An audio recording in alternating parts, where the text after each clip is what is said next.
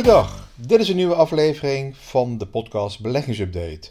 Aflevering 6 van 10 februari 2023. Mijn naam is Joost Boors. Elke week een kort overzicht over de beurs, alles over beleggen en vermogensopbouw. Ook een praktijkcasus. Nou, deze week ga ik het onder andere hebben over China. Nou, het was al een week van winstnemingen, stijgende lange rente en eh, wachten op toespraak Amerikaanse centrale bank.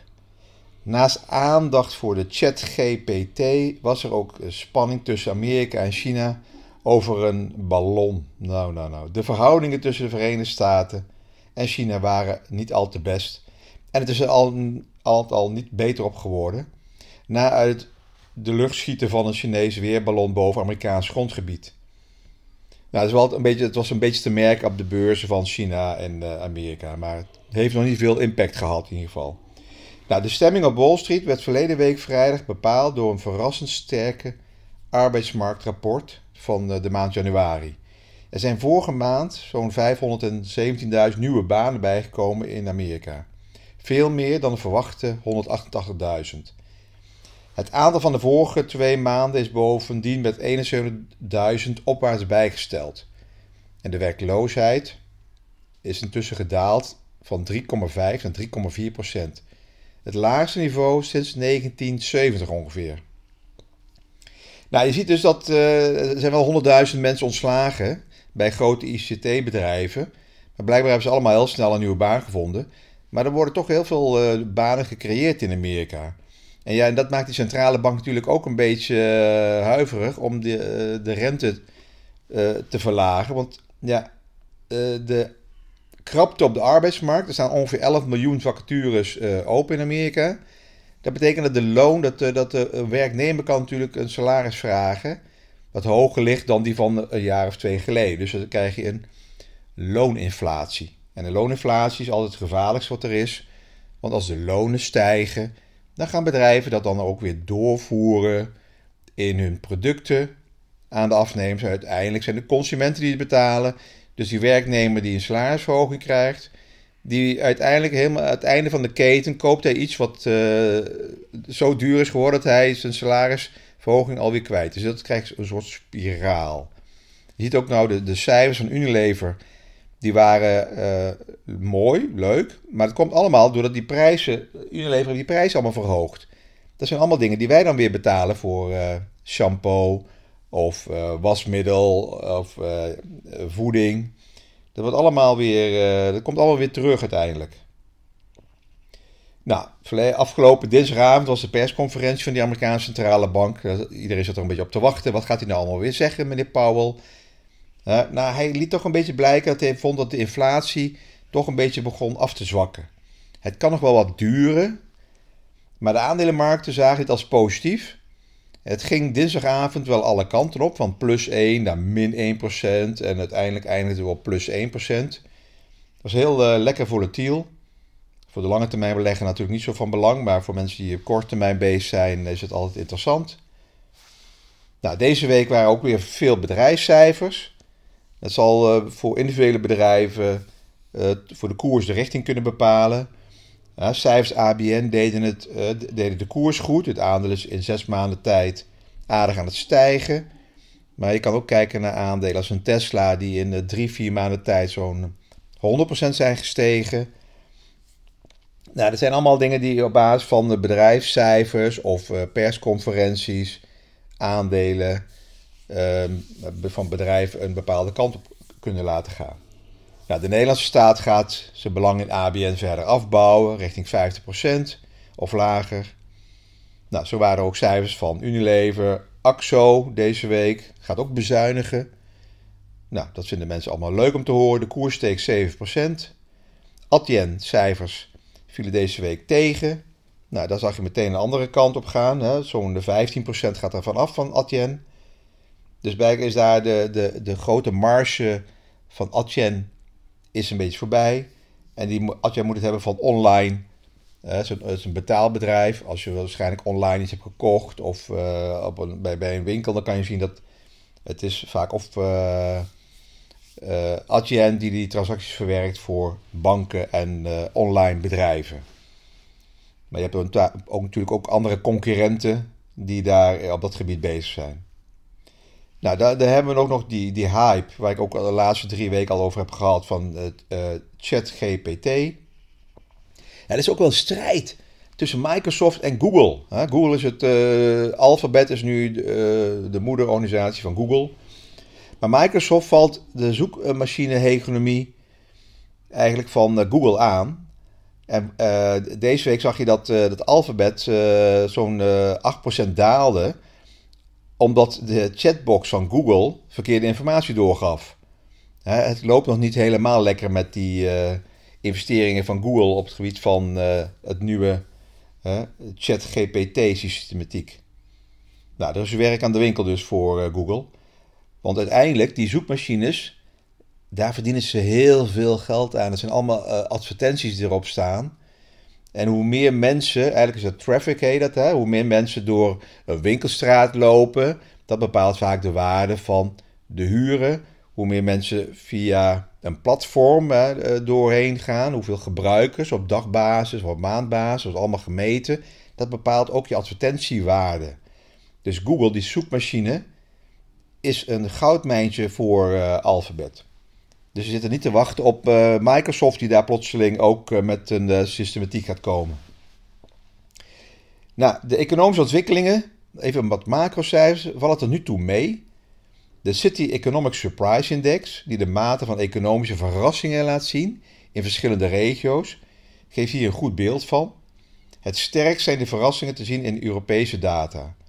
Een milde winter, lagere gasprijzen, hoge gasvoorraden en de heropening van China spelen een belangrijke rol. De positieve ontwikkeling valt vooral op in vergelijking met Amerika, waar de data de verwachtingen niet heeft weten te overtreffen. Vooral Europese aandelen hebben van deze ontwikkelingen geprofiteerd. Eigenlijk zie je dat een beetje Europese aandelen, vooral ook uh, als je kijkt een beetje naar Duitsland en de CAC 40, de Franse beurs, die DAX in Duitsland, die doen het uh, best, uh, best aardig. Nou, analisten zijn de afgelopen maanden een stuk pessimistischer geworden over de winsten van bedrijven. Ze hebben hun verwachtingen in aanloop naar het bedrijfsseizoen dan ook fors naar beneden bijgesteld. Maar blijkbaar de afgelopen anderhalf jaar toch zijn ze iets te pessimistisch geweest. En is eigenlijk te ver hebben ze die verwachtingen naar beneden bijgesteld. 70% van de bedrijven in de Amerikaanse SP 500-index rapporteert over het vierde kwartaal van 2022 tot nu toe betere cijfers dan verwacht. Dus het valt al nog wel mee met het bedrijfsleven, met hun uh, winstontwikkeling. Nou, even terugkomen. Ik zei van uh, deze week praktijkcasus. Een idee vanuit de Rabobank. de Rabobank heeft een visie over de Chinese beurs. En die zijn best positief over de Chinese beurs. Nou, Chinese aandelen zijn als een uh, raket uit de startblokken gekomen sinds die aankondiging om de Chinese maatschappij weer open te gooien. De MSCI China-index is die laatste drie maanden zo'n 50% gestegen, waarvan dit jaar zo'n 13%. Nou, Rabo verwacht dat er meer in het vat zit. De krachtige stijging volgt op een periode waarin uh, Chinese aandelen sterk onder druk hebben gestaan. De MSCI China-index staat namelijk nog altijd zo'n 40% onder de top van de laatste vijf jaar. Dus die Rabobank denkt dat een samenspel van inhaalvraag, lage waardering en de omslag van de Chinese regering om voor groei te kiezen ruimte biedt voor koerswinsten. die economische vooruitzichten voor China zijn sterk verbeterd door die uh, verandering in het beleid van de president uh, Xi om het zero-COVID-beleid overboord te gooien en de maatschappij te heropenen. Nou, dat heeft hij wel een beetje onder druk gedaan van die studentenprotesten vorig jaar. Die waren klaar met het hele stringente COVID-beleid. Er is nog wel een lange weg te gaan, maar de recente cijfers bevestigen het beeld dat de economie al een betere vaarwaarde terechtgekomen is. De inkoopmanagersindex voor zowel de diensten als de maaksector ja, die is van krimp naar groei gegaan in januari. Dus de Rabobank verwacht dat de economie in de komende maanden in China verder zal aantrekken. En een relatief lage inflatie biedt ruimte voor China om die economie te ondersteunen door die, rente niet al te stijl te verhogen. Zoals Amerika en Europa wel moeten doen. Nou, daarna zal China verwachting de vastgoedsector uh, moeten steunen. Nog, die zit er altijd in een bepaalde crisis.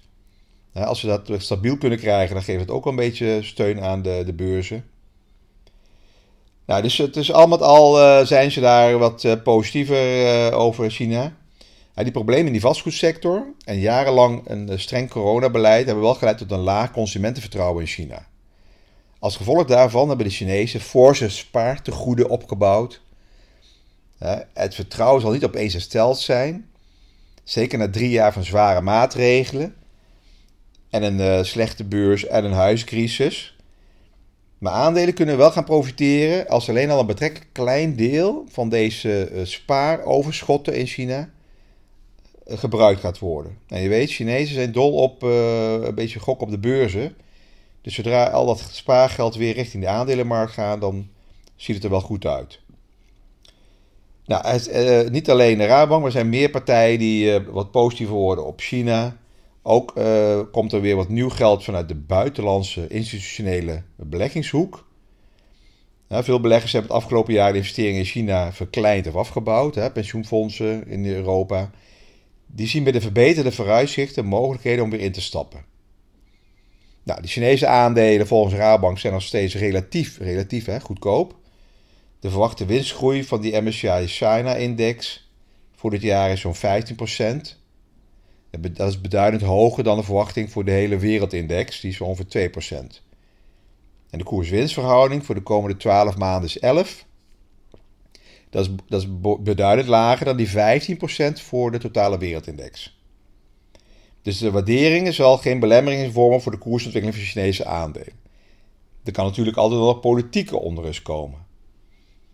Dus het geopolitieke vlak met Amerika, Taiwan, de restricties op hoogwaardige technologie, hè, dat raakt dan Nederland hè, met ASML, met die semiconductorsmachines. Uh, dus het is, uh, natuurlijk is niet, zijn niet alle lampen op groen, maar van de tien zijn er toch wel zeven op groen. Nou, en dan heb je nog natuurlijk in China dat uh, aandacht voor beleggers bij het gebied van milieu, maatschappij en goed bestuur. Hè, wat we hier in het Westen ESG, hè, duurzaam, uh, hanteren. En waar sommige pensioenfondsen dus niet mogen beleggen. Nou, dus uh, heeft wel, uh, ja, daar ook, maakt daar natuurlijk ook een keuze uit. Hè, dat, bepaalde technologiebedrijven die ze dan niet opnemen, omdat die zich niet helemaal voldoen aan die ESG-normen. Maar ja, al met al, ze zijn iets positiever geworden. Er zijn genoeg indextrekkers en beleggingsfondsen gericht op China. Je kan via je eigen bank of online platform een ETF of beleggingsfonds selecteren.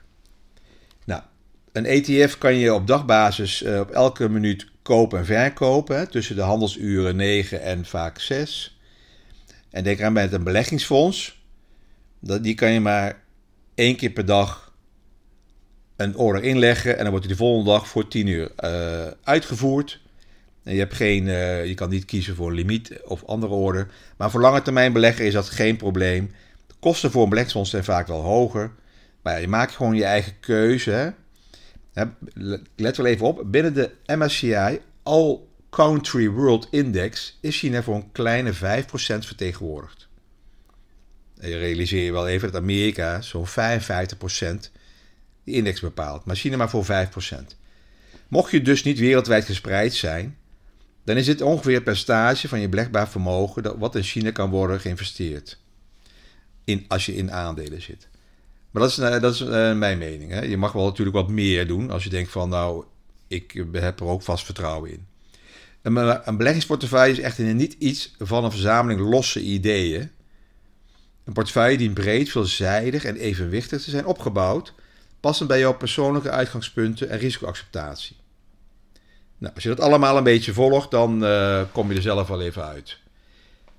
Nou, beleggen, wat ik altijd zeg, is niet hetzelfde als postzegels verzamelen. Van ik uh, koop maar wat van die dingen en dat, ik zie het over 100 jaar wel. Nou, dank voor het luisteren. Alles op persoonlijke titel, geen direct beleggingsadvies. Zoek het zelf even uit of met je adviseur. En op basis van openbare informatie. Tot de volgende week.